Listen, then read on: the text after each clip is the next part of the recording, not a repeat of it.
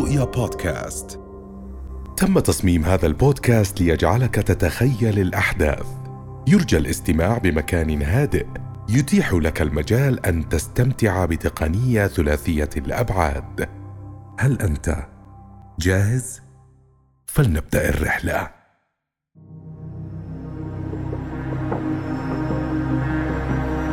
هنا ولاية كايا في ميانمار.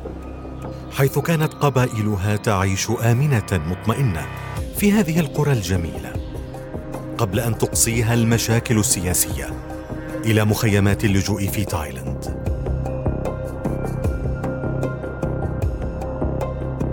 لم يعد الوصول لولاية كايا سهلا. ذلك أن القوات العسكرية التابعة لحزب كي إم بي أحكمت سيطرتها عليها ونشرت ثكناتها في كل أرجائها. بعد حرب مع حكومة ميانمار بدأت عام 1957 لكن هذه الحرب وضعت أوزارها باتفاقية تهدئة عام 2012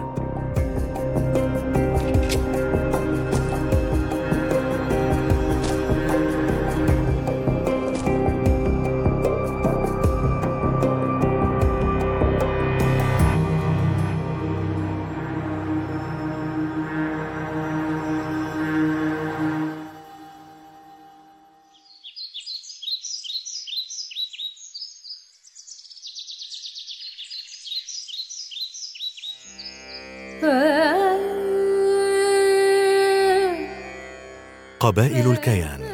أول من دفع الثمن. فبعضهم يعيش ظروفا صعبة في وطنهم ميانمار. والبعض الآخر صار ينظر لوطنه من مخيمات اللجوء في تايلاند.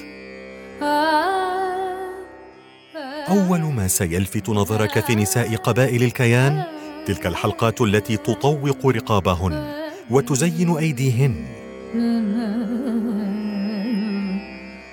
واقدامهن أيضا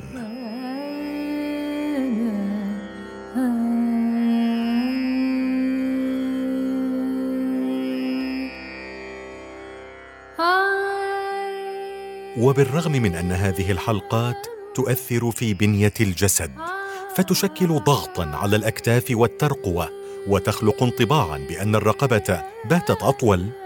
لكنهن يفسرن ارتداء الحلقات لثلاثة معتقدات تاريخية. الأول أن قراهن في غابات شهدت انتشارا للنمور ولذلك يعتقدن أن الحلقات تحمي رقابهن من أنيابها. أما المعتقد الثاني أن القبيلة شهدت حروبا قبلية أدت لسبي النساء فيستخدمن الحلقات ليبشعن أنفسهن. ولا يواجهن مصير من سبقهن.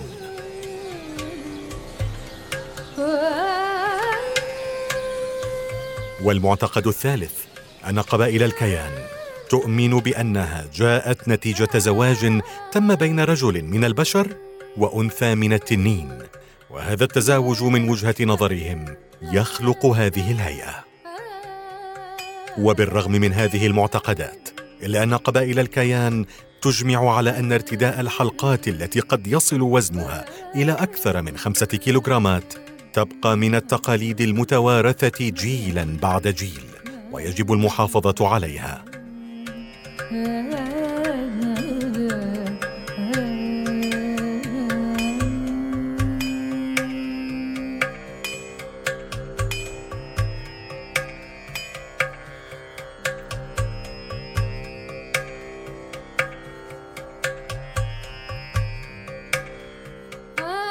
وكالحليب تماما.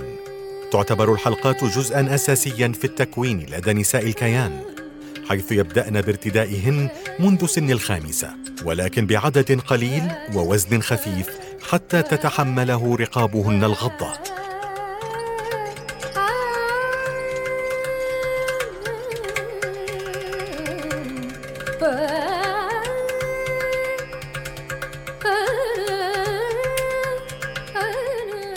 في مرحلة الشباب تتم إزالة حلقات الطفولة وتضاف حلقات جديدة بعدد أكبر ووزن أكثر. إنها مرحلة الدلال وإظهار الجمال.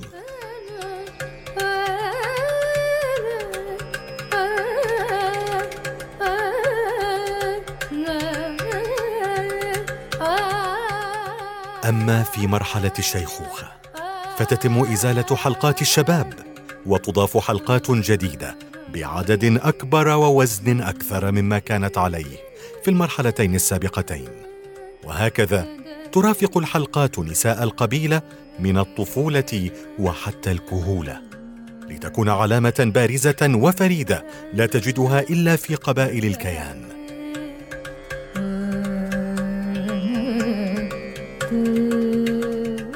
ذلك بالنسبة لهم أقصى درجات الفخر والموروث الذي يرافقهم حتى القبر.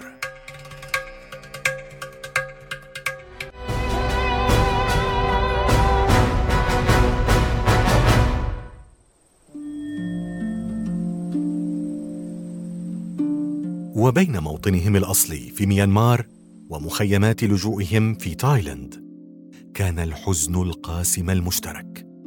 فهناك من فقد أهله. فبات يشعر أنه يعيش الغربة في الوطن. وهناك من وجد نفسه في مكان يشبه كل شيء إلا الوطن.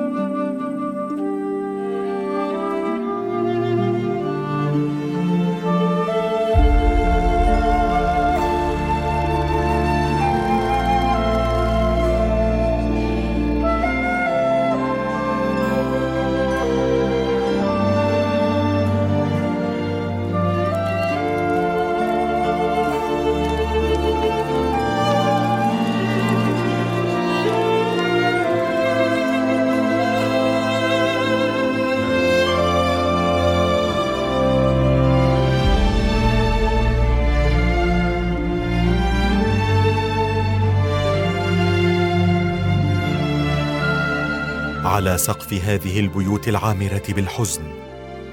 تخزن هذه السيدة المحاصيل الغذائية. تعتمد على نفسها وتأكل مما تزرع يداها.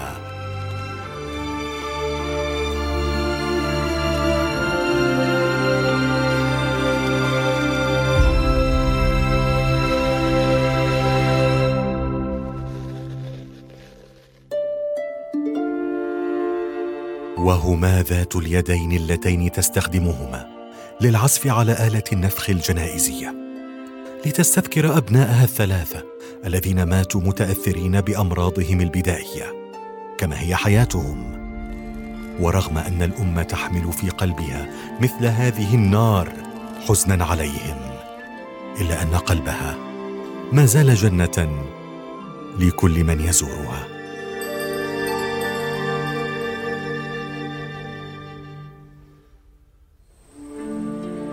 كأنها ترى فيهم أقاربها الذين غادروها إلى مخيمات اللجوء في تايلاند.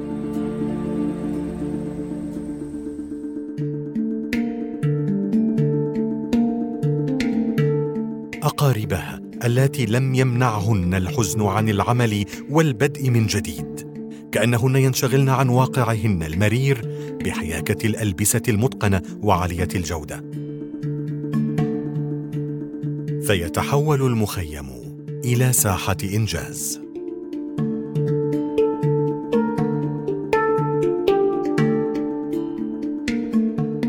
حيث تستغل نساء الكيان مهاراتهن الفائقة في صناعة الملابس هذه المهارة التي انتقلت معهن من موطنهن الأصلي وتعلمنها منذ الصغر على يد جداتهن التي بدأن هذه المهنة بأقل الإمكانيات.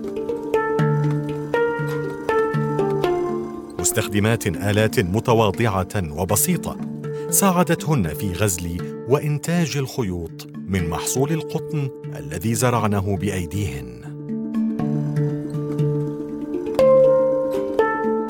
وبما أن الحلقات جزء أساسي في ثقافتهن، فإنهن يقمن بصناعتها بطريقة احترافية، وهي أيضا مهنة أساسية انتقلت من الجدات إلى البنات والحفيدات. إضافة إلى صناعة التحف الخشبية. كل هذه الصناعات نقلتهن من باب المخيم الضيق إلى باب السوق الواسع ليعرضن فيها منتجاتهن التي يتباهين بجودتها ويزيد من هذا التباهي إعجاب الناس بها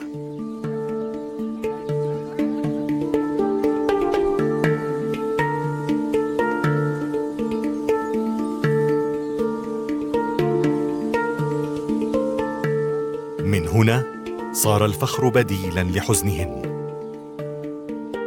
فتحول المخيم من وجع وشتات إلى راحة وجنات.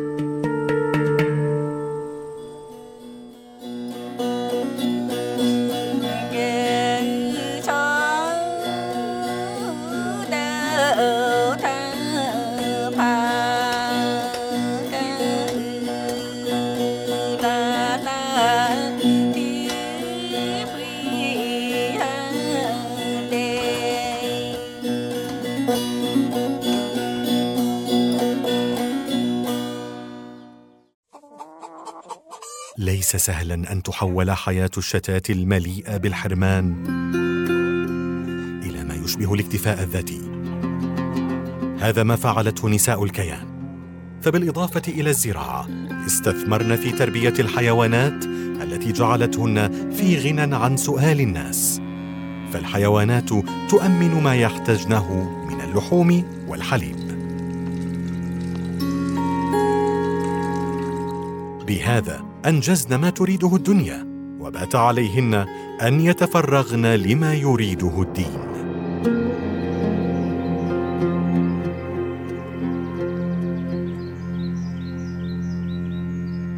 بخلاف ما يظنه الناس أن نساء الكيان لا يعتنقن أي ديانة فإنهن يعتنقن ديانة تسمى كان خوان والتي بدأت في منغوليا منذ العصر البرونزي. ومن خلال هذه الديانة تؤمن نساء الكيان أن كل شيء في الدنيا مسخر له. ويمارسن طقوسهن الدينية أمام هذه المعابد البسيطة المبنية من الأخشاب ويضعن عليها عظام الدجاج عند الصلاة والدعاء.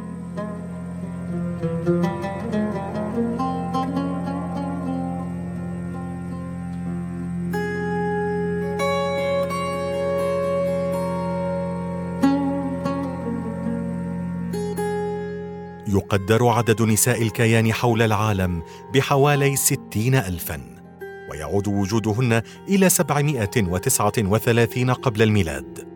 ومنذ ذلك التاريخ يحافظن على معتقداتهن وتفاصيل حياتهن. تلك الحياة القائمة على الاستمرارية والاعتماد على الذات والمليئة بالبساطة والعفوية.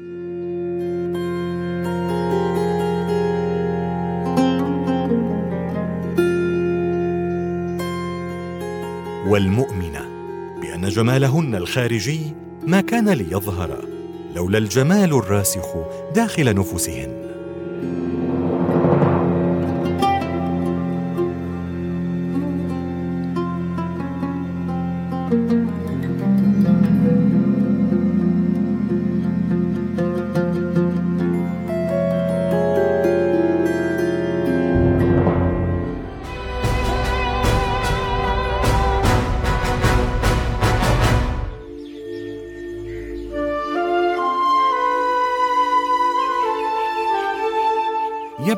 النجاح النسائي ينتقل بالعدوى في ميانمار فهناك قبائل أخرى يكون للنساء فيها الكلمة العليا.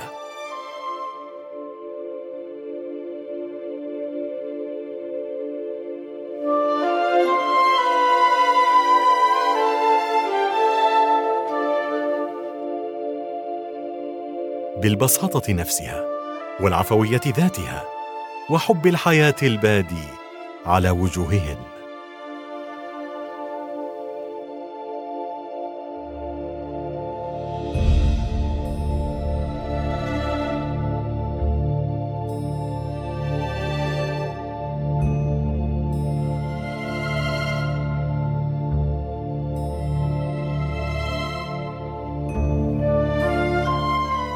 إنهم قبائل الكياو حيث تتميز النساء بزينة خاصة لا سيما عند الأقدام.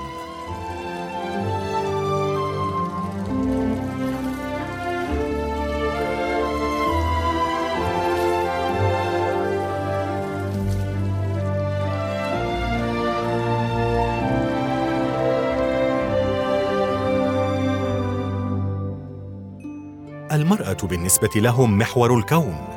فهي رب الأسرة الذي يبدأ العمل في مرحلة مبكرة جدا.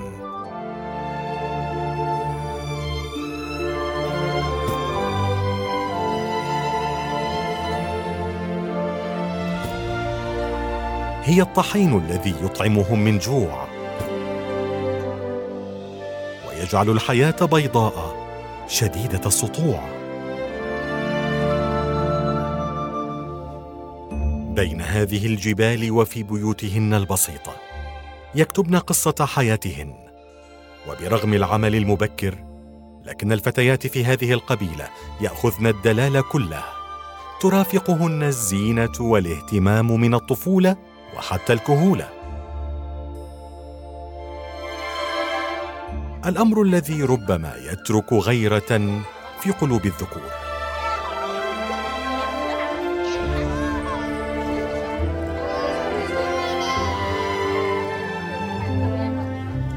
فالإناث يحملن منذ الطفولة.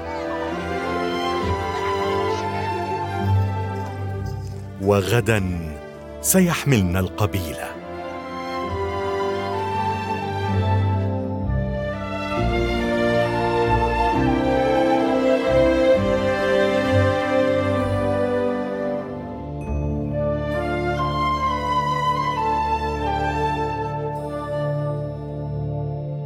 الخياطة والتطريز بالنسبة لهن لم تعد مهنة فقط بل صارت شيئا نسائيا ضروريا كالزينة تماما.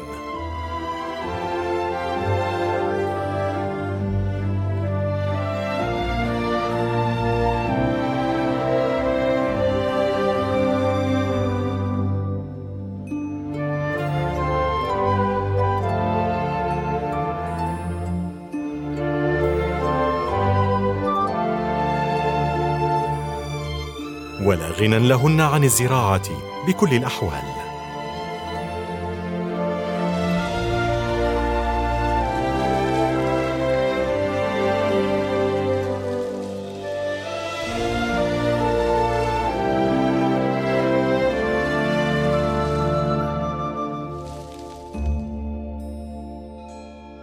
إضافة لذلك يقمن بتربية الحيوانات التي توفر لهن الطعام. وتحقق لهن اكتفاء ذاتيا. كل هذا يقع على عاتق النساء فبسواعدهن تجري حياة القبيلة كما تجري المياه.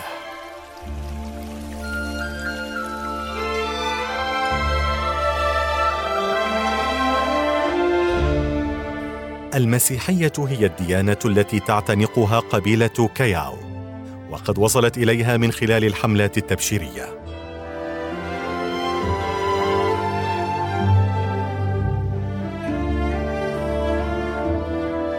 تسير الحياة ببساطة في قبيلة الكياو لكنهم سعداء جدا بها. يعيشونها على طبيعتهم قانعين بما قدمته الدنيا لهم وبما يقدمونه لها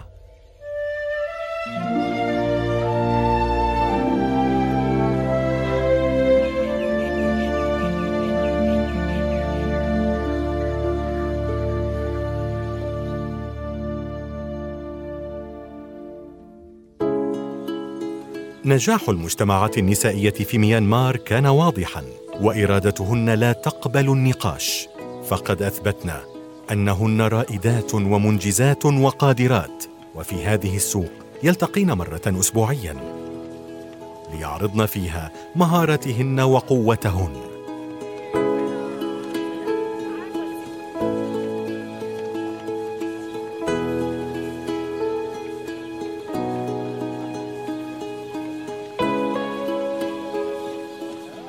هنا يجتمعن من مختلف القرى ليتباهين بعملهن. كل قرية بما لديها فرحة.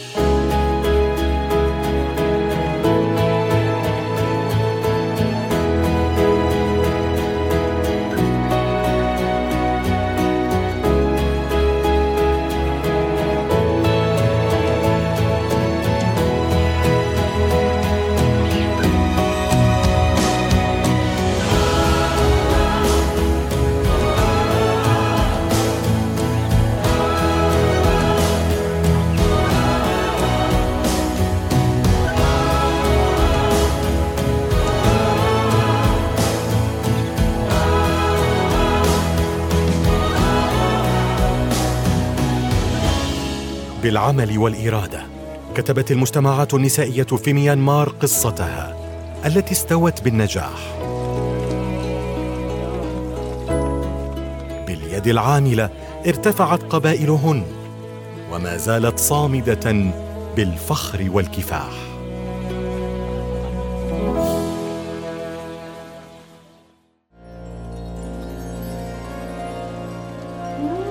ربما كان المشهد جديدا. الرجال غائبون عن المشهد الذي تتصدره النساء ويؤدين فيه الدور على أكمل وجه.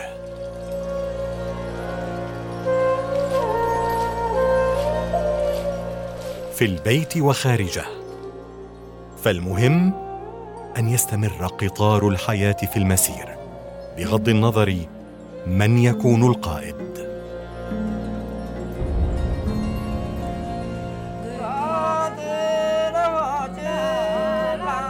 مهما علمت شيئا ستغيب عنك أشياء لأن العالم كبير.